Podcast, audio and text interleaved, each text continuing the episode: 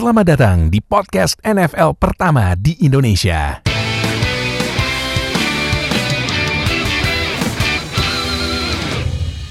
Baik sama gue Fadil host kalian di Zero Note Podcast Nah kita udah di tanggal 14 berarti 16 hari lagi menuju NFL Draft Oh, Wah. wow, wow. Gak berasa ya? Ih sumpah gak berasa banget gila Gue aja masih Gokil. Gue aja masih inget loh pa- Tahun kemarin tuh draft Hari pertama round pertama itu hari pertama puasa loh Sekarang aja udah hari kedua Nah nggak berasa ntar, ntar pas eh, NFL draft udah hari, keberapa kedua tuh puasa, yoi. Iya ntar, ntar pas NFL draft hari ke 15an ke Minggu kedua lah. atas Iya, minggu kedua, minggu ketiga. Iya aduh kayak gila ya nggak berasa nih emang Covid kapan kelarnya ya Aduh ah. Jadi Nggak tahu ngap. Ah, udah, udah, yang penting ya, yang penting inilah tetap, tetap sehat semua yang nonton dan dengerin. Nah, jadi eh kemarin udah bikin top 5 line inside linebacker, sekarang kita bikin posisi yang pas itu deket-deket Super Bowl kan ada ini podcast kartel. Hehe. Bikin podcast tentang American football. Nah, kan gue dengerin kan. Kata Kartel. kata kata kata bosnya eh Gak usah nyebut merek ya, eh, pasti lo tau siapa. Katanya posisi Hmm. tersulit tuh cornerback karena cornerback itu kan larinya back back pedal kan, back pedal dan lain-lain. Yang menurut gue sebenarnya menurut gue ya, menur- menurut gue gue setuju karena memang tekniknya harus banyak tuh kan dia kan jagain WR sama lihat gimana QB lemparnya kan ke mana kan. Nah di samping itu gue juga sebenarnya kurang setuju karena ya menurut gue posisi tersulit ya QB karena dia leader ngatur timnya ngafalin semua playbook bikin decision making ya kan Hmm. jadi ya gitulah nggak apa-apa kan punya pendapat sendiri-sendiri nggak apa-apa yang penting valid dan Bebas, bebas. dan ada da- base-nya bukan karena feeling eh Reasoningnya menurut gue masuk akal sih. Iya. Karena secara mas- logika tuh kayak ya juga sih. Mm-mm. Tapi tetap aja sih kalau mau yang paling rumit tetap di QB kalau Iya. kita ya. nah itu makanya Iyalah, everyone is entitled to their opinion kan. Iya, everyone is entitled for their opinion. Cuman Yoi. kalau opininya berdasarkan feel apa perasaan ya. Ya. Jadi udah. seseorang atau gimana sih? Jadi udah kalau gitu langsung aja kita mulai top 5 eh cornerback musim 2020 yang menurut gua ini pilihannya juga pusing, Pak, sama kayak Linebacker kemarin. Gue milihnya juga aduh bingung dah nih karena memang ya kan maklumin lah ya media kan selalu ngepostnya tentang ini kan wide receiver, wide receiver, wide receiver kan. Cornerback tuh jarang kalaupun cornerback paling juga yang top name kayak Jalen Ramsey ya kan paling sering Jalen Ramsey kan lah ya. Ya kan. Nah, Ah, tapi Jalen Ramsey bakal masuk list gue tapi ntar. Nah ini cornerback gue udah pilih gue udah milih berdasarkan stats yang menurut gue penting buat seorang cornerback. Aduh nih statsnya ternyata tipis-tipis tipis banget. Jadi nomor 5 gue ini aduh. Gue sebenarnya ada tiga pemain yang gue bingung banget pilih buat nomor 5 tapi pemain ini kalau gue cek di stat pass defended dia tight nomor 2 loh nah Oh, oke. dan pasti ini pemainnya lu semua kaget karena ini pemainnya di tim yang sangat-sangat kocak di divisi terkocak di NFL. Dan jangan salah, justru tim ini justru ada dua pemain defense-nya yang stand out. Ya kan? Di pass rusher-nya ada satu yang kemarin udah perpanjang kontrak, ya kan? Eh perpanjang kontrak, eh perpanjang kontrak ya bener. Ya. Nah, ini di menurut gua dia performance-nya bagus walaupun timnya ya gitu. Dia adalah James Bradbury dari Giants tuh. Wah, iya sih kalau James Bradbury gue setuju. Gua sebenarnya bingung antara dua nih. Ant eh sorry, gue bingung tiga. James Bradbury, Carlton Davis atau William Jackson the third-nya Bengals yang sekarang pindah ke WFT nggak salah. Yang menurut Ya. gua itu huge loss-nya Bengals. Itu huge loss, huge loss banget buat Bengals. Nah, tapi setelah gua breakdown lagi, eh gua coba cek di pass defended ternyata James Bradbury jauh lebih bagus daripada eh eh Carlton Davis sebenarnya sama aja sama James Brad- Bradbury, tapi buat coverage-nya lebih bagus Bradbury kalau eh, William Jackson dia eh, pass defended-nya agak jauh di bawah. Nah, ini kenapa gue milih James Bradbury karena pertama pass defended dia 18. Ini tadi gue bilang tight nomor 2 loh di liga. Yang paling tinggi, ntar, yang paling tinggi pasti nomor satu karena dia emang menurut gue udah stand out, paling stand out dan menurut gue dia seharusnya jadi kandidat defensive player of the year gitu. Nah, James Bradbury 18 pass defended, du bikin dua force fumble. Nah, itu kan berarti kalau cornerback bikin force fumble kan sebenarnya kan dia ngejar QB eh ngejar QB sorry, ngejar wide receiver yang dijaga atau wide- atau ya receiver lain kan harus fokus nge-tackle tapi kan ada beberapa cornerback yang bisa juga nge-force fumble kayak ya tau lah pasti ini uh, peanut punch-nya Charles Tillman kan banyak banget cornerback yang belajar dari Charles Tillman ya peanut punch gitu. Nah, ini Bradbury bikin dua force fumble, satu fumble return lumayan kan. Eh fumble recovered sorry, fumble recovered. Terus eh ini sama yang gua impress juga sama James Bradbury ini. James Bradbury dia ditargetin bola 91 kali. Complete 56, completion percentage-nya 61,5% dan passer rating allowed-nya 80,8. Jadi 80 itu kalau gua cek di eh, cornerback cornerback lain nih lumayan bagus loh karena eh kebanyakan area ada di area-area 70 80. Kalau udah 60 50 itu udah udah udah udah gokil sih. Makanya gua pilih James Bradbury nomor 5 gitu. Jadi buat fans Giants ya walaupun ya pasti kan kalau Giants kan fokusnya Daniel Jones, Danny Dimes gitu tuh. Lihat Saquon defense-nya. Barkley. Siapa? Yes, Saquon Barkley. Saquon Barkley ya, Saquon Barkley. Lihat defense-nya. Lihat tuh. James Bradbury sama tadi yang tadi gue bilang pass rusher ya Leonard Williams tuh. Leonard Williams kemarin keren banget mainnya. Lihat defense Giants bener. Makanya nonton nonton defense juga gitu. Jangan offense aja. Nah. Eh, oh iya sebelum gua lanjut, aduh lupa gua sampai lupa maaf, maaf. Bareng lagi sama Oka sama Nuha nanti Nuha bakal bikin rookie cornerback Eh, ya top 5 iyo. yang menurut gua rookie to- rookie rookie cornerback tahun ini juga sebenarnya lumayan stand out juga ya. Walaupun ada yang picknya tinggi tapi kena burn. Ya kan burn Ini mulu. uh, uh, little fact aja yang lebih banyak stand out malah yang di round yang round-round bawah, Nah, bukan first makanya. round malah. Makanya serius deh. Kalau menurut gua jangan nonton draft, jangan nonton first round aja. Nonton sampai habis. Siapa tahu tim lu dapat draft steal kan kemarin gua udah nge- ngepost tuh. Ngantuk Lima-. Nih 5 draft pick steal paling terbaik di NFL. Nah, nontonnya sampai habis. the one and only. Iya. Si- Ya no- nomor satu udah pasti tahu lah siapa. Nah, makanya nontonnya sampai habis gitu. Nah, eh kak, lu nomor 5 siapa? Menarik juga sih, karena nomor 5 gue juga sama kayak lo, Oh. James Bradbury. Bradbury juga. Kenapa? Iya. Kenapa Bradbury? Kalau untuk individual stats, kayaknya lu udah bilang semua tentang James Bradbury sih. Dan dia juga punya neck buat bikin turnover. Dia juga bikin tiga tadi tadi tiga force, force fumble, eh dua force fumble sama tiga interception. Tuh, Ah, iya. ya. Dan dia juga ah, salah satu apa namanya kayak pion penting kenapa uh, defense Giants cara passing defense itu juga termasuk stand out. Karena musim lalu mereka adalah top 10 defense dalam points allowed. Hmm. Jadi gue cuma bisa bilang gue akan bilang begini aja sih. Giants kalau misalkan offense-nya at least kompeten musim lalu, mereka pasti masuk playoff. Ah. aja. Ah, tuh menarik tuh. Dan ya tambahan dikit James Bradbury juga udah bisa dibilang super underrated dari zaman dia masih di Panthers ya.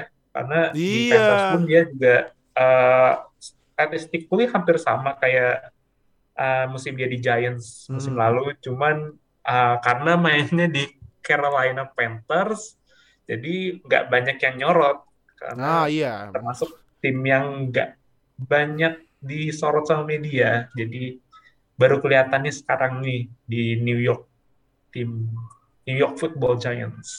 Iya, New York Football Giants. itu gue setuju sih. Eh James Bradbury emang di Panthers sebenarnya lumayan, tapi Giants pas masuk Giants ya kayak upgraded gitu, di ke upgrade gitu. Mm-mm. Makanya gue pilih James Bradbury. Oka juga milih James Bradbury. Nah, berarti langsung aja nomor 4 gua ini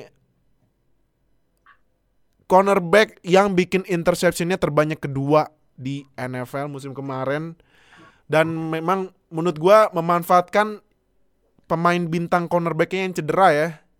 Tapi emang gua men- apa baca dari fans-fansnya tim ini pada bilang dia paling underrated di liga gitu, gitu. dan gue setuju karena nomor 4 gua JC Jackson dari Patriots.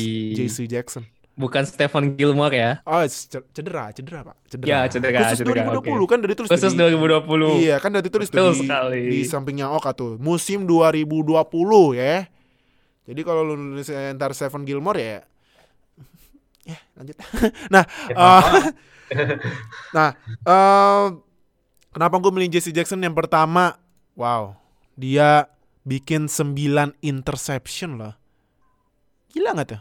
9 interception yang kedua pas defended dia 14 yang eh tight nomor 8 di liga yang ketiga JC Jackson ini dia eh pass allowed percentage-nya 59%. 83 kali di target, eh allowed pass-nya 49 kali dan passer ratingnya 66,5 persen. Eh 60, sorry, bukan persen sorry, rating itu nggak ada persennya. 66,5 yang tadi gue udah bilang cornerback yang bagus ini di area passer ratingnya 70-80. Kalau udah di bawah itu berarti udah spesial. Nah, JC Jackson passer ratingnya 66,5. Ini udah wow, udah udah udah udah bagus. Jadi eh J ya lagi-lagi ya NFL gitu sih ya medianya terlalu fokus ke offense sih ya.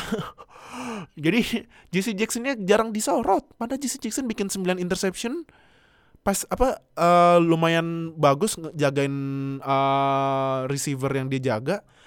Jadi eh gua berharap banget JC Jackson musim dep kalau saya JC Jackson kemarin udah dapet ini ya, udah dapet eh eksklu- eksklusif right free agent kalau nggak salah. Kalau nggak salah. Iya, ya. ini baru dikasih tender. Kasih tender ya. Uh, tendernya second round atau first round gitu. Ah. Oh, kalau Jadi second. dia dapat uh, satu tahun lagi di Patriots Hmm. sebelum dia masuk free agency. Nah, jadi menurut gua musim depan JC Jackson ini harus membuktikan nih dia eh, dia cocok bertahan di Patriots. Kal walaupun misalnya Stephen Gilmore musim depan balik lagi ke form dia kemarin sebelum cedera, tapi JC Jackson harus buktiin sih ke Bill Belichick kalau dia memang cornerback. Ya menurut gua JC Jackson jangan dipandang jadi ko- CB2 ya. Harus di ya agak-agak disamaratain lah sama Stephen Gilmore karena gila sih JC Jackson emang underrated banget sih. Terus eh, ini juga statsnya dia fumble recovery-nya tiga kali lumayan loh. Fumble recovery tiga kali berarti dia eh, awareness buat eh, bola lumayan tinggi gitu. Nah itu jadi gua milih JC Jackson di peringkat keempat gua. Nah lu coba kak. Peringkat 4 gue, Mm-mm. uh, gue akan ke AFC North sekarang. Mm-mm. Gue akan ke AFC North dan gue akan pilih Marlon Humphrey. Marlon Humphrey. Wuh, oke oke oke. Gua gua Secara lanjut. pass rating yang dari tadi kita udah bahas, emang dia nggak begitu, ya nggak begitu in the Nggak terlalu fancy sih ya, nggak terlalu menonjol. Dan juga dia cuma bikin satu interception kemarin. But uh, 61.3% itu uh, is a great number juga. Dan dia musim lalu bikin 8 force Nah fumble, itu. 8 itu. force fumble. itu yang menurut gua menurut kalau menurut gua ya Marlon Humphrey itu ini gua boltek ya Charles Tillman versi sekarang sih Hmm. Marlon Humphrey Charles Tillman Waduh, sekarang. ya. Humphrey. iya kalau menurut gua itu Marlon Humphrey Iya. Jadi eh dia juga emang selalu dipasang buat jadi eh, ngejaga WR1 dan selalu jadiin one on one matchup aja Hmm. dari Ravens. Dan musim lalu walaupun eh, Ravens cara defense sebenarnya nggak nurun loh, sebenarnya sama-sama aja ya dikit relatif lah ya. sama kayak musim lalu, cuman ah sorry musim sebelumnya ya Musim 2019. Cuman karena beberapa kali ada pemain-pemain penting yang cedera, jadi Hmm. mereka sempat agak sedikit goyah di pertengahan musim ya. Sebelum akhirnya balik lagi ke performa dari awal musim. Tahu Hmm. ya, tapi nggak dipungkirin sih bahwa walaupun kayak cedera eh, badai cedera tuh datang dan pergi itu tetap aja Marlon Humphrey konsisten banget dibandingkan eh, mungkin di main-main defense lainnya di Ravens dan makanya dia baru kayaknya musim awal musim kemarin atau beberapa bulan yang lalu dia juga di dapat kontrak baru kan Mhm. dia dapat extension uh, lima tahun untuk balik lagi ke Ravens ya itu deserving contracts buat dia sih Hmm, ya, benar-benar. Setuju gue. Betul. Jadi em kon- dua cornerbacknya Ravens, Marlon Humphrey sama Marcus Peters emang mungkin top 5 duo ya, duo bukan bukan ini, ya, top five- top 5 duo cornerback sih menurut gue iya di dan sekarang. mereka tuh juga termasuk uh, defense yang rajin bikin take uh, take away Mhm. jadi sering bikin turnover mereka uh, ada 10 10 to- 10 tapi dikoleksinya sama mereka-mereka juga sebenarnya. Nah, cuman mereka juga bikin 12 force fumble. Wah gila sih 12 first fumble Jadi- gila ya makanya emang cornerbacknya. Eh, Ravens jadi kalau misalnya nggak bisa nge-secure bola wah bahaya dah di ntar di sama dan, Humphrey dan di- musim lalu pun juga mereka uh, poin pelautnya itu nomor 2 di NFL 18,9 poin. 18,9 wah. Hmm, jadi mantep ya a great player di dalam great defense. Nah jadi Tuh. hasilnya great gitu. Ya Yo, walaupun, walaupun nggak masuk Super Bowl juga tapi cuman at least buat individual performance Humphrey keren gitu menurut gua. Gitu. Berarti empat lu Marlon Humphrey ya. Ketiga gua pilih cornerback idola netizen. Dan pastinya ini udah tahu. Nah itu Nuh ada ini kan karena memang ini cornerback menurut gua ya cornerback ini big mouth tapi big play jadi Yo, i. walk the talk. Ini ya buat lu semua yang bilang jalan eh, ini menang bacot doang ya. Nonton Lu makanya. nontonin dulu cara main Nonton Jalen cara Ramsey, main Pak. Jalen Ramsey. Iyalah. Nah, tuh gue udah bilang kan Jalen Ramsey itu Jalen Ramsey tuh ah gila sih ini orang nih Jalen Ramsey ya. Jalen Ramsey ini eh pas defendednya emang ya nggak terlalu banyak 9 cuman ya lu lihat ininya eh apa allowed completion percentage-nya 50,7 ini kalau gua cek di 50. kalau gua cek di Pro Football Reference, kalau misalnya ini target pasnya dibuat minimum 50 ya. Iya. Ini Jalen Ramsey ini terbaik nomor 1 2 3 4 loh. 4. 4 loh. Yang bilang Jalen Ramsey Big Mouth tuh banyak bacot itu lihat secara angka udah dibuktiin tuh. Makanya. Dan dia allowed passer ratingnya 68,1 yang lagi-lagi gue bilang kalau misalnya cornerback udah di bawah allowed passer ratingnya udah di bawah 70 itu udah spesial, udah spesial. Nah ini Jalen Ramsey 68,1 loh. Hmm. Gila emang nih Ramsey. Mau ngomong apa lu semua? Ah, i- Iya, Jalen Ramsey gua ya mungkin pas di Jaguars emang dia talking big mouth cuman di, di Jaguars juga dia mainnya bagus. Bagus, Di. Rams juga mainnya bagus. Jadi ya gua gua eh, walaupun ya pu- pu- kadang kuping gue juga panas kan lihat nih Rams ini banyak ngomong cuman ya gua respect juga cara dia main karena wah gila sih dia adalah eh, definisi walk the talk gitu. Nah. Walk the talk. Betul. Makanya eh jadi kemarin Jalen Ramsey dapat kontrak gede ya karena emang ya permainan Jalen Ramsey emang emang cocok dikasih kontrak gede. Oh, betul. Gitu, bener. betul. Makanya jadi ya kalau yang bilang Jalen Ramsey bacot doang mah eh, lu ketahuan gak nonton udah gitu aja. Eh, gue ya. tapi mau nanya dikit dong ke Oh. kalian, Boleh, boleh. terutama ke Nuha deh, Ah. karena sebagai fans Rams uh, pasti lo familiar banget dengan Ramsey. Iya. Kemarin kan uh, Jalen Ramsey sebelumnya kan Jalen Ramsey itu masuk ke Los Angeles Rams di trade dari Jacksonville Jaguars dengan kompensasi dua first round pick ya, yang Ya. is first round pick terakhirnya adalah musim ya dari mau 2021 ini. Mm. Menurut lo Jalen Ramsey pantas gak dengan dua first round pick itu? Atau menurut lo masih bisa dibilang agak overpaid? Gue dulu kali ya. Oh, Gue dulu oh, kali ya. Gue dulu iya, kali ya. Gue dulu, lu dulu. Tanya dulu deh. kan pasti Nuha lebih breakdown ya karena kan dia tahu lebih lebih paham situasi. Kalau gua Jalen Ramsey harga dua first round worth worth. Karena apa? Lu mau cari sekelasan Jalen Ramsey dikasih first round juga gue jadi Jaguars juga gila loh nih iba ini kan nih, nih ya Jalan Ramsey ini kan di draft di eh 2016. 2016 di 2016. round ke Pertama. satu ya. Round one? Hmm, First round round pick kelima loh. Dan Iya, dia menurut first gue emang permainannya permainan first round caliber. Jadi ya wajar lah di apa Jalan Ramsey harganya dua round karena dilihat dari cara dia main di Rams ya menurut gue main dia di Rams sama Jaguars tuh masih seimbang, masih sama aja. Samanya sama bagus masalahnya gitu, bukan sama mediocre, bukan sa- atau sama jelek, sama bagus.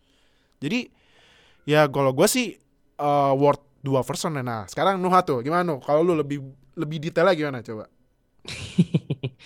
Kalau gua sih ngelihat apa yang terjadi dengan trade tahun lalu di 2019, gua melihat kalau value-nya malah menurut gua itu malah underpriced. Wah, melihat Kenapa tuh?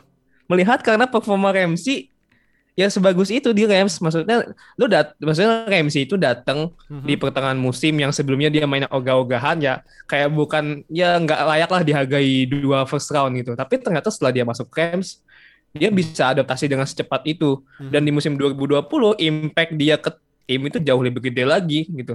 36 tackle lap- 44 combine tackle terus juga berapa berapa intercept tuh? Eh, satu intercept sama ya pokoknya secara statistik memang mungkin nggak terlalu nggak terlalu gede lah secara statistik statistik. Tapi impact to the game.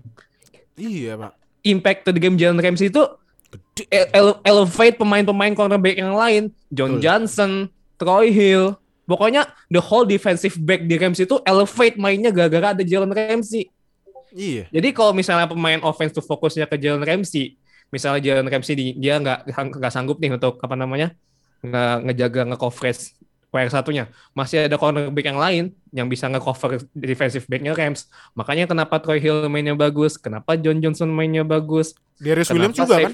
Bagus. Darius Williams. Darius Iya, Williams. Darius Williams juga. Jadi impact to the game Ramsey itu jauh lebih besar dari hanya sekedar dua first round. Mungkin kalau misalnya saat ini ada trade buat ada yang mau ngambil Jalen Ramsey, tiga first round mungkin bisa. Iya, setuju gua. Mm-mm. Setuju banget, setuju banget. Makanya ya Jalan Ramsey emang worth the price gitu intinya sih. gitu. Worth Yaudah. every money. Nah, sekarang ini yang ketiga eh kan tadi eh gue pilih Jalan Ramsey kan nomor tiga. Eh kak lu pilih siapa kak? Gue mikir kayaknya kita nomor 2 sama nomor 3 itu sebenarnya sama, cuma beda urutan aja ya. Nah, nomor tiga lu berarti siapa nih? Nomor 3 gue adalah Jair Alexander. Ah, Jair Alexander. Ya, Jair Alexander. Tahuan sih. Kenapa? Kenapa Jaira? Kenapa Jaira? Ya, mungkin sekalian nyambungin juga ke tadi lu bahas tentang Jalen Ramsey ya buat gue buat gue nomor 2-nya ya. Jadi Jair Alexander ini men gila. Gue dulu sempet uh, nganggapnya kayak dianggapnya kayak non believernya Jair Alexander karena gue sering dengar dari fans Packers di Twitter, di Instagram bilang bahwa kalian jangan sleeping on Jair Alexander, man. Dan benar kata mereka, benar banget. Karena Jair Alexander menurut gua adalah salah satu defensive back yang paling komplit ya, terutama untuk cornerback. Tendensinya kan cornerback itu orang eh, tipe pemain yang gak agak segan buat tackle. Misalkan kayak Dion Sanders itu dulu dia nggak eh, kayak nggak begitu bagus dalam hal tackle-nya. Cuman Jair Alexander ini dia bisa tackle, dia bisa coverage, dia bahkan juga uh, kadang juga suka pass rush. Hmm. Jadi selengkap Hmm. itu Jair Alexander. Hmm, hmm, hmm. Mungkin uh, kenapa gue mungkin nyambungin dikit gue uh, kenapa gue milih uh, Jalen Ramsey di nomor 2 mungkin lebih kepada tingkat difficulty-nya karena Jalen Ramsey musim lalu dia match up lawan receiver yang bisa dibilang top hampir Ah semuanya top iya sih ya. ya kan? Apalagi apalagi di Metcalf jadi anaknya ya. Uts. Oh, Fans oh. Seahawks jangan marah-marah, tapi emang kenyataannya ya gue memberikan kenyataan yang pahit. Let Iya. the game talk itself. Iya, Iya. dua kali eh dua kali nggak salah ya. Iya, dua kali. Dua kali dijadiin a- di- jadi anaknya Ramsey loh. Jangan marah-marah gitu Trent Dan iya dan Jalen Ramsey itu juga di musim lalu dia kan di NFC West berarti dia ngelawan DeAndre Hopkins dua Oh, kali iya, ngelawan bener juga ya. Oh, dua yes. kali, Nah, iya bener juga ya. sama ngelawan kalau mungkin kalau 49ers antara Debo Samuel atau Brandon Ayuk, Ayuk, kalau iya. musim lalu ya. Emmanuel kan. Sanders juga, eh Emmanuel Sanders Sanders, Sanders. Sanders. Sanders Sanders. enggak, Sanders enggak. Salah, salah. Oh, iya. Lanjut, lanjut. Dan dia juga di ngelawan AFC East yang ada Stephon Diggs. Dia bisa shutdown Stephon Diggs. Ah, itu iya. keren banget. Wah, iya sih. Dan alasan kedua kenapa gue pilih Ramsey dibandingkan Jair Alexander, Alex, Jair Alexander uh, is a complete cornerback. Gue kasih dia kredit segitu. Tapi Jalen Ramsey kemarin dia udah tadi udah gue bilang lawannya kayak Hopkins, Diggs, terus habis itu lawan DK Metcalf. Yang kedua tadi juga udah dibilang Nuha, dia bikin defense around him better. Karena Yes. Nur. karena dengan dia bisa shutdown WR satunya dari lawan cornerback dan defensive back yang lain jadi bisa lebih fokus buat ngehalangin uh, receiver-receiver yang lain jadi Hmm. impactnya buat game defense-nya dari uh, Los Angeles Rams itu le- menurut gue lebih gede di Ramsey dibandingkan Jair Alexander di Packers Hmm, nah. Tuh. Berarti lu ini udah sekalian ngejelasin kenapa Ramsey di nomor 2 lo ya? iya Nah, kalian. gue mungkin buat Newport lagi nih. Gue baru ngecek lagi di stats. Kan tadi Hmm. lu bilang jal- kalian kalian kan bilang Jalen Ramsey ini membuat impact yang gede kan di khususnya defensive back Rams. Jelas. Gua gua kan udah berkali-kali bilang kalau cornerback passer rating allowed-nya udah di bawah 70 berarti ya under 70 berarti udah 60 50 itu gue bilang spesial. Ini gua cek Darius Williams yang tadi gue bilang Darius Williams ya. Iya. Allowed passer ratingnya 61,1 loh tuh kan. Emang impactnya Jalen Ramsey itu gede pak. Gede, serius gede. Bener. Gede. Makanya kok. nambah defense kan. Iya, makanya.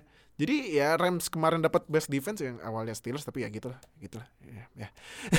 Jadi diambil sama Rams ya wajar karena di depan Aaron Donaldnya udah kayak Kayak monster udah Nomor kayak satu monster, lagi di iya, udah kayak monster. Di, Di belakangnya belakang? Jalen Ramsey ya udah kayak ini pak, udah kayak bu apa ya? Allah itulah yang jaga ini udah aduh dan karena bagus ya teammate juga dapat benefit dari iya, Jalen dapat Ramsey. benefit. Mainnya Sama bagus. nanya lagi dong buat uh, sekalian sama Nuha deh, karena juga masih bahas Rams kan. Hmm. Menurut lu titik lemahnya Rams di defense atau di offense uh, yang bakal bisa di-improve di draft itu apa? Nah, tuh, no. Lu kan Rams. Nah, silakan tuh. Coba. Kalau sekarang gua memang concernnya ke cornerback dan safety karena satu John Johnson sama Troy Hill udah lepas, dua-duanya ke Oh Browns. iya tuh. Aduh, gue pas tau mas- gue pas tau John Johnson pergi, ah gila. Aduh, aduh aduh Sebelum emang emang mereka ngambil itu emang resiko double. cap space Ah. resiko cap space itu. resiko cap space dan Ah, juga ah. concern gue memang cornerback. Yang pertama buat cari gantiin John Johnson sama Troy Hill, ya plus safety lah. Sama inside linebacker. Inside linebacker Rams tuh sebenarnya nggak bisa dibilang bagus, tapi nggak bisa dibilang jelek juga ya. Just a- just a- just an average stats aja lah. Jadi memang mungkin memang butuhnya memang untuk masalah defense itu inside linebacker sama sama ya antara cornerback atau safety. Cuman kalau offense gue untuk saat ini tidak melihat tidak bu- belum saat ini untuk draft kayaknya udah nggak terlalu membutuhkan lagi karena secara secara apa, apa namanya secara personel quarterback udah upgrade ya. Jadi gue nggak ada concern lagi. Oke. Quarterback udah upgrade Matthew Stafford jadi gue nggak ada concern di quarterback ya sebelumnya kan Jared Goff lah ya. Hmm. Untuk receiver ya solid lah maksudnya masih Robert Woods masih ada, Cooper Cup masih ada dan Van Jefferson is not really bad at all. Dan running back Cam Akers dia bagus di rookie seasonnya jadi ya untuk offense gue gak ada masalah sih. Cuma Ah. defense-nya aja gitu aja yang masih ya at least harus disegera dicari penggantinya dua pemain ini yang bagus musim lalu. Ah, sama gue nanya inside linebacker gimana nih? Inside linebacker kan udah pada per- ya kosong kan ya kayak Littleton pergi. Iya, Nah, ha. inside linebacker gimana tuh buat kayak kayak kemarin Rams run defense agak kurang ya sebenarnya. Iya kan defense-nya emang Hmm. nggak terlalu bagus karena memang inside linebacker-nya memang nggak terlalu oke. Sebenarnya si siapa rookie tahun lalu yang main linebacker tuh Tyrell Lewis Hmm. sebenarnya oke, cuman ya nggak bisa ngandelin nggak bisa ngandelin dia doang harus address at least satu lagi atau enggak dua entah itu mungkin dari free agency atau drafting sih memang Ah. inside linebacker inside linebacker emang gua akuin musim lalu menjadi salah satu flaw-nya Rams tapi emang karena nggak terlalu kelihatan karena memang di cover sama defensive back-nya sih Ah iya benar benar benar. Nah, oke. Jadi nomor satu yang pastinya eh dia sat- Eh. satu-satunya cornerback yang bikin double digit interception musim kemarin. Dan ini statsnya sangat mengerikan menurut gua. Takut gua. Gua gua baca statsnya langsung oh my god gitu gila, gila ini cornerback. Nomor satu gua tak lain dan tak bukan adalah Xavier Howard-nya Dolphins.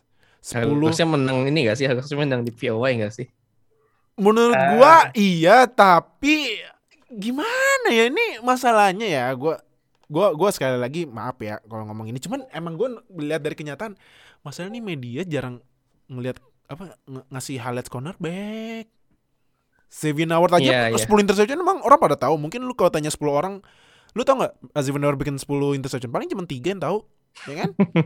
Ya kan? Nah, oh iya yang menang yang menang Aaron Donald ya? Gue lupa. Iya makanya. Jadi eh, anjir gua gua mau gua mau ah bulan puasa nggak nggak boleh nggak boleh marah. Aki lagi eh, ini biar mau nambah pala. Nah, lihat lu berdua debat tentang. Sebenarnya cuma Nah, eh, tapi eh, nah eh ini apa? Sevin Howard 10 interception. Emang dia completion percentage-nya nggak nggak nggak nggak sebagus Jalan Ramsey ya. Cuman ya beda dikit lah ya, cuman lima, eh, beda cuman 1,2 persen, 51,9 persen.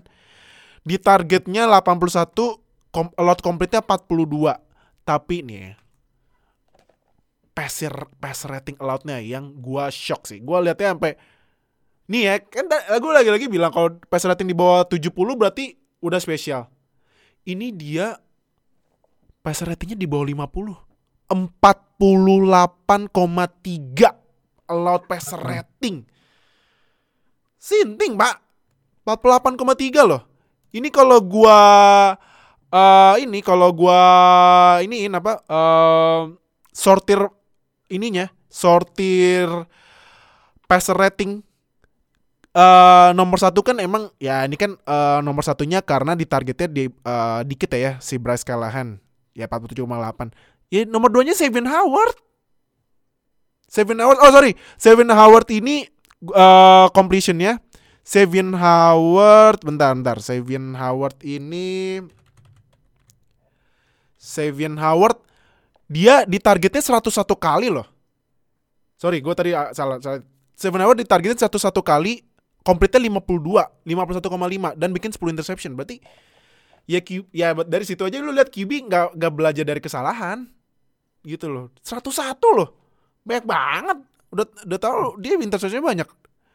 Nah jadi itu sih gua ya ya no itu kalau menurut gue ya kalau misalnya di tier gitu Sevin Howard itu di atas sendirian sih tier nomor satunya kalau gue ya tier nomor dua baru udah isinya isinya ini apa isinya Jalen Ramsey. Jaire, yuk nah dan lain-lain. Sama tadi gue baru inget, gue langsung ke skip eh, ini ya eh, Jalen Ramsey. ya. Nomor dua gue Jaire, Jaire Alexander karena karena ya tadi dari Oka udah ngejelasin banyak. Eh gue juga setuju kata Oka dia adalah eh defensive back paling komplit. Gue setuju banget. Jagainnya bener rapet. Apalagi dia juga bikin playmaking buat ini apa buat tackle for loss dan lain-lain gitu. Jadi itu gue sekalian nomor dua sama nomor satunya itu sih. Nomor satu gue ada Zevin Howard karena Zevin Howard emang gila. Ah udahlah gue gak bisa komen. Cara mainnya gokil gitu. Udah itu sih gue. Nah kalau lu kenapa Zevin Howard? Kalau menurut lu gimana? Zevin Howard nomor satu gue juga pilih Sevin Howard di nomor satu. Heeh. Karena kita eh, lupa kalau 10 interception seberapa banyak sih 10 interception ini di satu musim. Ini pertama kalinya ada yang bisa bikin double interception. Sejak kapan ya? Antonio Cromartie Oh di iya. 2007. Jadi 2007 ke 2020 bisa 13 season 14 Lama banget season ya. berarti. Itu terakhir kali ada yang bikin double digit interception. Anthony Cromartie dulu berapa ya? Itu Antara 10 juga. 10 juga ya? Oh, Anthony Anthony Cromartie juga Cromartie 10. cuy. Iya, Iya. makanya. Dari dulu di San Diego Chargers dia mainnya. Iya. Dan juga kita harus note kenapa uh, seberapa signifikan sih 10 interception ini karena di era NFL sekarang kan emang pas defense itu jauh uh, lebih susah dibandingkan sama mungkin di era 2000-an karena peraturannya banyak yang mungkin udah mulai diubah, ada yang pas interference lebih gampang di yang lebih gampang didapat, Iya. terus lebih itu holding juga lebih banyak aturannya yang bikin pass defender itu selalu uh, ada kesulitan lebih dibandingkan mungkin kalau misalkan di 2000-an mereka masih bisa uh, dorong-dorong atau ngejam receiver di line of scrimmage. Mhm. Kalau di 2000 mau 2010-an, 2020-an itu udah susah banget untuk ngelakuin itu dan the art untuk bikin turnover sebanyak itu itu udah kayak lost art banget sih. Iya, Dan makanya. 10 interception itu men gila itu langka men itu langka langka banget terutama dengan environment NFL kayak sekarang sama satu lagi Hmm, gue juga selalu kasih lebih kalau misalkan dia bikin impact gede buat timnya karena musim ini eh, ya 2020 dari Miami Dolphins itu ada peningkatan pesat banget Iya. dibandingkan di Oh, musim iya. 2019 Banget. banget Jauh, Jauh, jauh, jauh. jauh, jauh, jauh, jauh Seven banget. Howard mah jauh. karena dari points allowed aja bisa kelihatan 2019 Miami Dolphins itu peringkat terakhir di Aha. points allowed sedangkan 2020 mereka peringkat 6 Hmm. jadi ada jauh banget kenaikan mereka juga uh, mimpin li- mimpin di NFL buat take, uh, turnover mimpin di NFL di interception di mimpin NFL di third down conversion Hmm. Wow. Third down conversion ini lah. third down conversion ini ya, salah satu kuncinya juga Aha. dan uh, kita pasti tahu kan kalau third down itu kebanyakan uh, tim NFL tuh selalu mencoba untuk passing atau kalau misalkan ya uh, kecuali kalau misalkan short uh, short line situation. Jadi kalau third down passing ya tugas paling berat dipegang sama cornerback atau Hmm. defensive back. Ya. Dan ini yang bikin uh, nilai plus satu lagi buat Sabian Howard karena dia yang jagain WR1 di tim yang uh, punya kena, uh, peningkatan pesat banget di defense, passing defense terutama Mhm. dan juga di tim yang led the league in turnover. So- Hmm. So itu memang cocok sih. Bahkan kemarin kan juga sempat dijadiin kandidat buat defensive player of the year dan itu uh, deserve lah. buat Iya, menurut gua Jelas dong. menurut gua Seven Howard worth banget buat jadi defensive player of the year lah. Sangat worth. Cuman, Sangat banget jelas. cuman ya sayang sekali gak masuk playoff. Iya. Dan Iya. ya Miami Dolphins juga musim depan uh, pasti bakal ditunggu banget perkembangannya kayak gimana. Nah, itu bener. Ya terutama dengan dua first round picks ya. Iya. Jadi ya Iya harus kalau nggak play kalau nggak playoff gue mau tahu ada Wah. kenapa kenapa kenapa. Benar, benar, benar. Itu gua gua kalau misalnya Dolphins gak masuk playoff something's wrong happen in Dolphins. Ada yang aneh. itu. ada yang aneh pasti. Nah, itu top 5 uh, cornerback versi kita di musim 2020. Nah, sekarang saatnya Nuha. Nu, kalau rookie cornerback versi lu siapa? Nih, gua cornerback banyak banget nih uh, favorit gua. Tapi cuman semoga aja masuk di ini ya di Nuha ya. Siapa aja Nu kalau top 5 lu? Rookie cornerback 2020 total ada 27 yang di draft di 2020. 7 banyak banget ya. Hmm. 27 dengan yang di draft pertama kali adalah Jeff Okuda oleh Detroit Lions yang sayangnya Aduh, parah. Pak. Aku dong kena burn mulu. Okuda Buset dah. ternyata di Lions burn mulu ya apalagi burn mulu. match up-nya ya macam-macam lawan kayak ya Davante. Davante Adams, Hmm. Adam Thielen, Allen Justin Robinson. Jefferson, Allen Robinson ya wassalam sih sebenarnya makanya jadi gue tidak akan menaruh Jeff Okuda di nomor di top list gue Kalau nggak salah dia juga kena burn sama Justin Jefferson ya? iya Aduh, gila sih. Justin Jefferson dan CD Lamb Aduh. Eh sorry, sorry bukan bukan CD bukan. CD Lamb, bukan CD, sorry sorry. Salah Salah. Ya pokoknya sama Iya. Justin Jefferson juga pernah. Hmm. Oke. Nomor 5 gua gua ini ini uniknya di cornerback 2020 gua cuma naruh satu pemain dari first round. Hah? Iya, gue cuma naruh satu pemain doang. Siapa? Dan itu gua taruh di nomor 5. Siapa? Nomor Oh. 5 gua adalah AJ Terrell from Atlanta. AJ Terrell? Falcons. Iya, Bukan si Jenderson. bukan. Kenapa? kenapa AJ Terrell? Tapi AJ Terrell emang sebenarnya lumayan walaupun kena burn juga sih, tapi Mana Terrell secara statistik, secara statistik ya 61 tackle, 13 assist, 1 interception. Oke lah. Maksudnya dilihat dari impact-nya Falcons ya Falcons ya just being Falcons gitu loh ya. Tapi memang secara as individual stat he's not bad. He's okay gitu. Secara coverage ya sebenarnya oke. Memang tapi ya ini sang- ini memang terban bukan terbantu sih lebih tepatnya karena memang Falcons secara defense as a whole itu memang nggak bagus-bagus amat. Tapi gua rasa secara individual si AJ Terrell ya he's fine gitu walaupun memang masih banyak yang lebih bagus dari AJ Terrell ya. Emang mungkin ya gue sih nggak secara, secara statistik memang 13 ya, maksudnya ada ada intercept lah, at least bikin satu intercept aja sebenarnya udah oke. Tapi memang impact to the game-nya memang belum sebagus dengan rookie-rookie cornerback yang lain. Hmm. Ya tapi untuk kelas first round, memang sih first round itu memang expect ini ya high expectation banget, ekspektasinya tinggi buat Tinggi. siapa pun yang di draft di nomor satu, eh di first round termasuk cornerback. Jadi ya gue rasa AJ Terrell ya yang mungkin yang masih bisa masuk top 5 gue ya secara performa memang yang cukup oke walaupun memang ya biasa-biasa aja sih. Jadi Hmm. makanya gue taruh di nomor 5. Oke. AJ Terrell ya. Nomor Iya.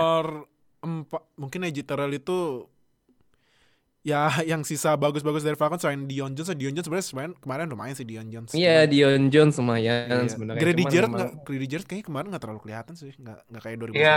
Eh, itu salah satu run stopper terbaik loh di NFL. iya cuman kemarin nggak kelihatan kan Grady Jarrett ya Iya. Ya emang defense as a whole sih emang Falcons tuh gitu. produk as a defense. Iya sih. Iya, as a defense sih. Gitu. nah berarti eh, nomor 4 tuh siapa Hah, nomor 4 gua nih hmm, mau naruh dia tapi ternyata ada cornerback yang secara statistik lebih gede lagi. Jadi hmm, gue bakal taruh Jalen Johnson. Wih Chicago Jalen Bears. Johnson nah, ya.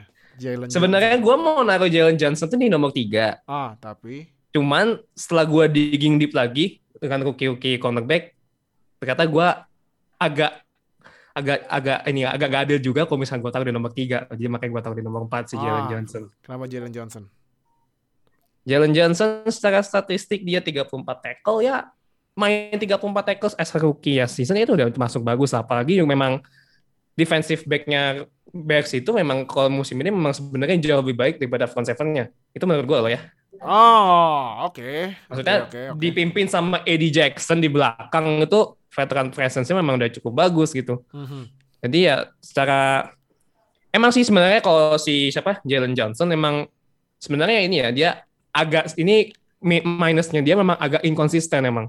Mhm. Di satu di game di game di satu game dia mainnya bagus, coverage-nya bagus, tapi in, in other game gamenya dia itu juga bisa berantakan mungkin karena match up-nya kali ya. Tergantung dengan match up siapa yang dia lawan. Kalau misalnya mungkin match up-nya dia ditaruh dengan misalnya kalau misalnya di NFC North kayak Devante Adams ya itu mungkin bisa burn out atau mungkin ya bisa kewalahan buat coverage. Tapi kalau misalnya lawan-lawannya mungkin dalam tanda kutip WR-nya mungkin WR2 atau WR yang bukan tipikal WR1, Ah, dia bisa main bagus. mhm. Dan Jalen Johnson tuh dia kan memang tipikalnya agresif ya, agresif dan mainnya fisikal banget gitu. Iya, itu iya, emang iya. udah dari bawaan dia main di college, dari, dari bawaan dia main di Utah. Tapi emang dia memang harus lebih banyak ini lagi sih, lebih banyak ngatur temponya dia dalam ya at least dalam, apalagi kan banyak apalagi kalau di NFC North itu ya misalnya kalau misalnya nanti lawan kayak Davante Adams, Justin Jefferson mereka kan mereka kan route runningnya termasuk yang udah elit ya. Justin Jefferson malah sebenarnya apa route runningnya udah udah bagus gitu. Di di, rookie seasonnya route runningnya udah bagus banget, udah Hmm. ya udah kayak lu ngelihat Justin Jefferson tuh udah kayak udah lima tahun main di NFL udah kayak Uh, elit aja padahal dia iya, masih rookie. Jadi Jalen Johnson harus lebih harus lebih banyak lagi untuk coverage untuk ya itu s- ngebaca route running yang ngebaca route running lah. Karena memang lawan lu yang bakal ketemu dua kali di satu season ya Davante Adams, Justin Iya. Jefferson, terus juga Thielen. Adam Dan- Thielen, Mm-mm. siapa lagi sih?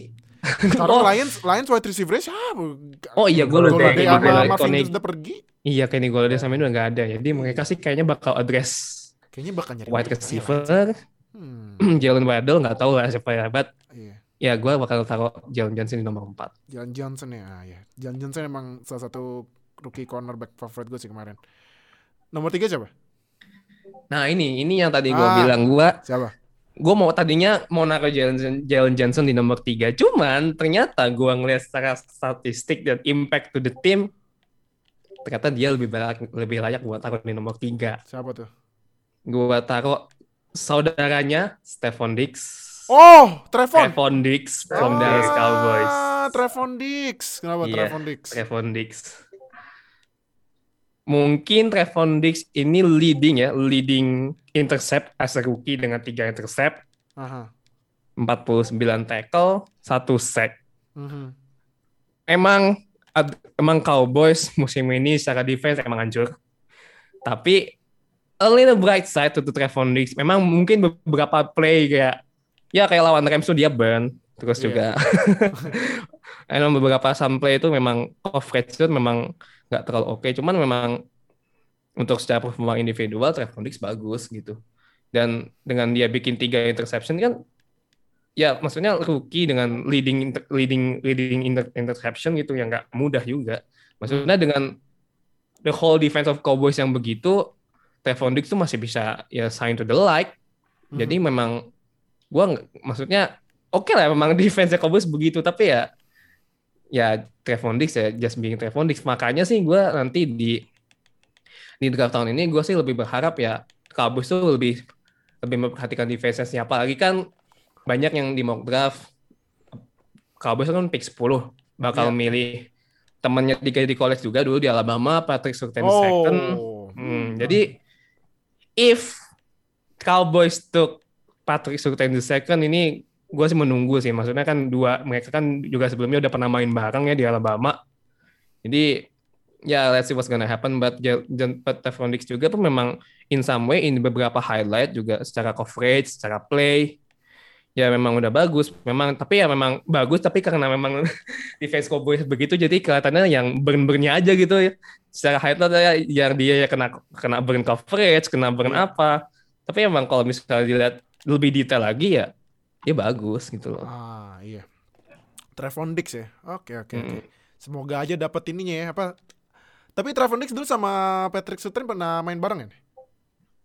Harusnya Nah, pernah iya. sih. Hmm. Pernah. Pernah dia di Alabama. Di Alabama. Hmm. Di Iya, 2019 kayaknya mereka main bareng. Hmm. Iya.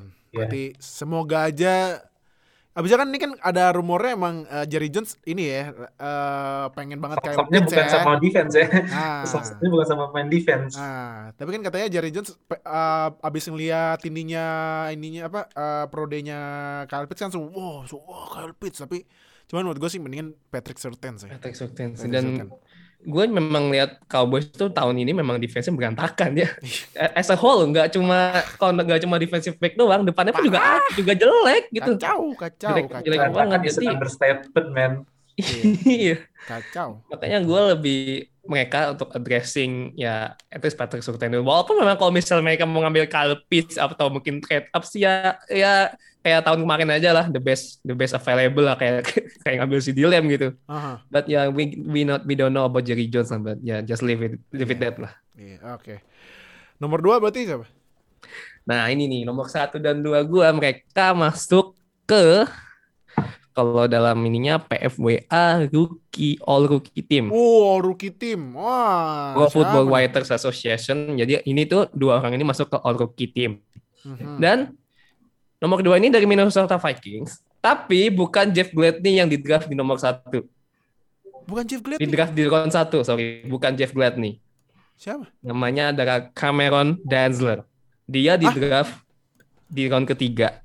Pick 89. Cameron Cameron Danzler. Danzler. Iya. Gue baru denger, sumpah. Cameron Danzler. Oh iya, dapat all rookie team ya. Dia round ketiga, pick 89. Main di Mississippi Wah. State. Secara statistik, 36 tackle, satu fumble recovery, dua interception. Mhm. Secara statistik, ya itu kayak udah menjelaskan how good he is. Dan kalau gue bilang ini salah satu steal draft terbaik. Nggak, Oh. nggak bisa dibilang terbaik sih. Mungkin kalau misalnya gue bikin steal draft, Mhm. steal draft top 5 steal draft di rookie 2020 ya, Mhm. gue akan naruh Cameron Hansel dia nomor 3 atau nomor 4 lah.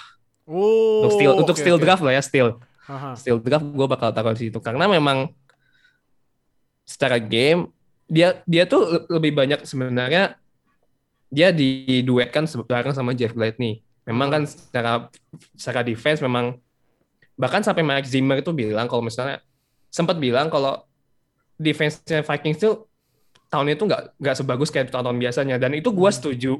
Kenapa? Karena Vikings tahun itu lebih banyak ngandelin rookie dan veteran presence-nya tuh nggak terlalu banyak karena memang udah banyak yang cabut juga. Iya. Kayak siapa tuh tahun lalu? Gua agak lupa sih. Xavier Rhodes ya, Xavier Iya, Rhodes. Xavier Rhodes cabut, Trey terus juga Wayne juga Terus cabut. Trey Wayne. Iya, Trey. Wayne juga cabut, cabut ya. mereka cuma ngandelin pres- veteran presence-nya cuma Harrison Smith doang and it's not enough gitu. Mhm. Menurut gue nggak cukup cuma cuma mengandelin Harrison Smith doang dan Cameron Densler somehow dia bisa shine to the light dan dia tuh di match up kalau misalnya Vikings tuh match up-nya lawannya kayak DJ Chuck, Allen Robinson, Kobe Anderson sama Mike Evans. Lawannya si Cameron Densler tuh ya dalam tanda kutip ya NFL player yang ya dalam tanda kutip elite gitu secara receiver. Mhm. Jadi gua rasa kenapa Densler bisa shine into the spotlight, dia bisa nge-coverage si Cameron Densler bisa nge-coverage tipikal-tipikal WR, WR1 yang elite, apalagi kalau misalnya kayak Mike Evans gitu yang benar-benar fisikal banget cara mainnya dan fisikal ya maksudnya dia tinggi dan mainnya fisik banget.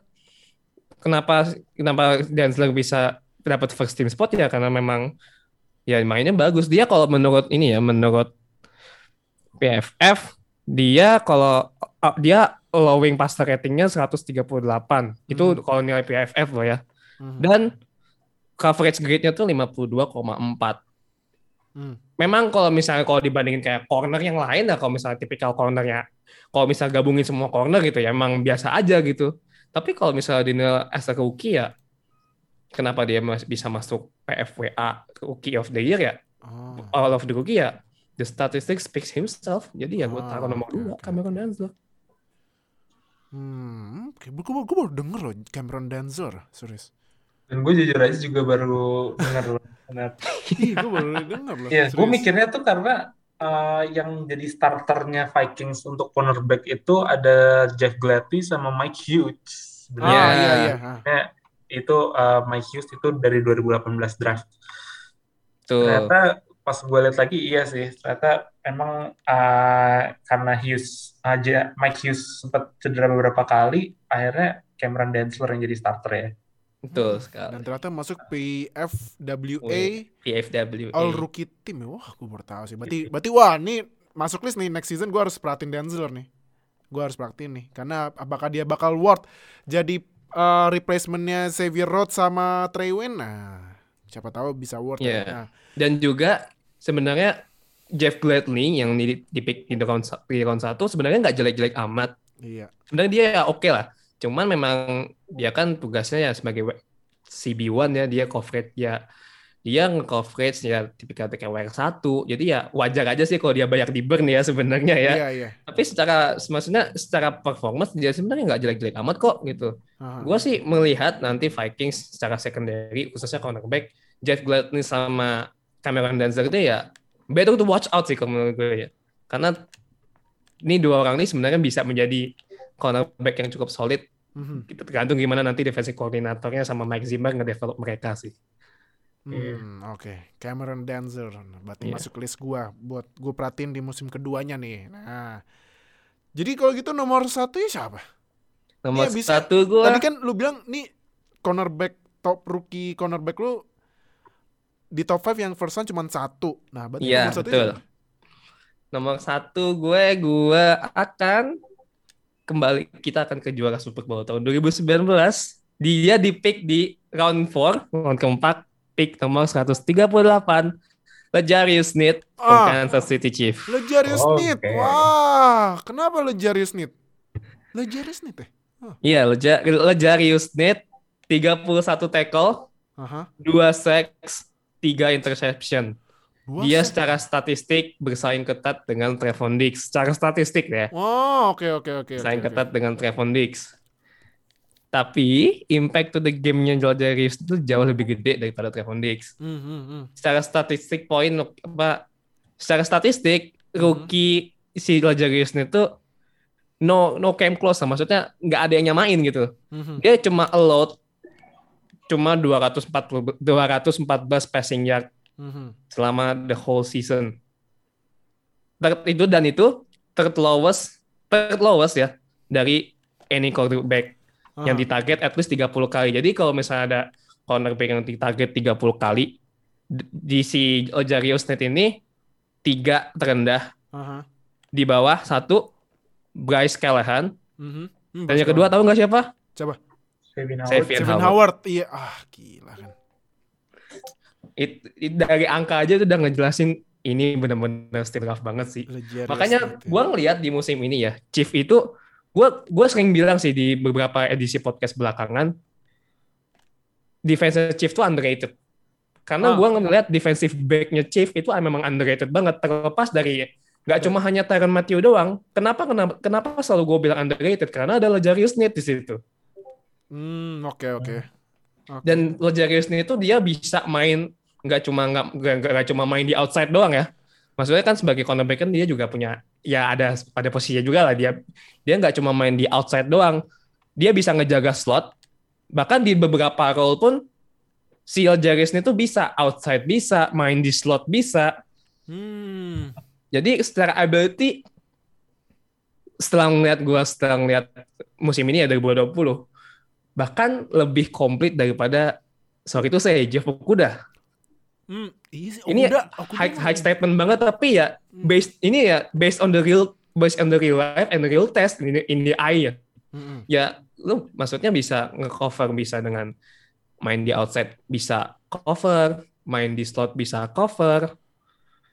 Ya sorry itu saya harusnya malah sebenarnya tuh ya Jarius Sneed yang di draft di first round bukan Jeff Okuda. Ah, oke oke. Ini little, ini bit ini ya kayak kayak overstatement but ya the statistics speak himself gitu loh. Jadi ya gue nggak bisa kok gue berbicara seperti itu juga ada datanya gitu loh. Nggak Iya, hanya iya. sekedar oh Jarius Sneed is the best cornerback but ya it is what it is. Ya, memang terjadi seperti itu Ah, oke oke. gitu. Lejarius Smith ya. Dan Itu kemarin dia juga sempat masuk IR kan? Iya, bahkan Iya. sempat cedera, bener. Bahkan sempat cedera di week keempat, di week keempat itu pada sempat cedera. Tapi ketika dia balik lagi ya disamain seperti itu lagi. Gitu. Hmm. Ah, berarti Lejarius Smith itu kan kalau nggak salah dia tandemnya sama Bashot Brashot apa sih? Bashot Brilliant ya. Shot ya, shot Oh iya, Bashad Brilliant. Kan Kalau kalau di safety-nya Tyron Matthew tandemnya masih Sorensen ini. Iya, Thomas Ransom. Sorensen. Jadi wah berarti bener juga ya Chiefs underrated ya. Nah, jadi udah Underrated. Jadi nah itu berarti top 5 cornerback musim 2020 sama rookie-nya di kelas 2020. Nah, kalau kalian gimana? Versi kalian langsung aja tulis di komen yang dengerin di Spotify langsung klik follow yang nonton di YouTube jangan lupa subscribe ke konten sampai subscribe biar kita upload dan notifikasi langsung nonton biar update sama NFL fans Indonesia dan NFL di Indonesia pastinya. Di bawahnya Nuha udah ada semua sosial media langsung aja join nggak pakai malu-malu. Nah, jadi udah dua minggu lagi draft. Wah, sama satu lagi, karena tadi Nuha aja no, naro top 5-nya nggak ada di first round, lagi-lagi gue bilang jangan cuma nonton first round aja. Nonton semua round. Siapa tahu kayak tadi kan Lejarius Smith, Cameron, aduh namanya siapa lagi? Cameron, Cameron Jalen Trevon Johnson. Diggs, Jalen Johnson. Nah, Ya. siapa tahu lu dapat cornerback atau siapa pun yang di abis first round. Nah, jadi steal kan. Jadi udah kalau gitu Walaupun gue sama Nuha pun juga nggak akan nonton first round sih, karena kita juga Oh iya, iya juga ya. Saya ya. tidur, Pak. Oh enggak, saya kerja.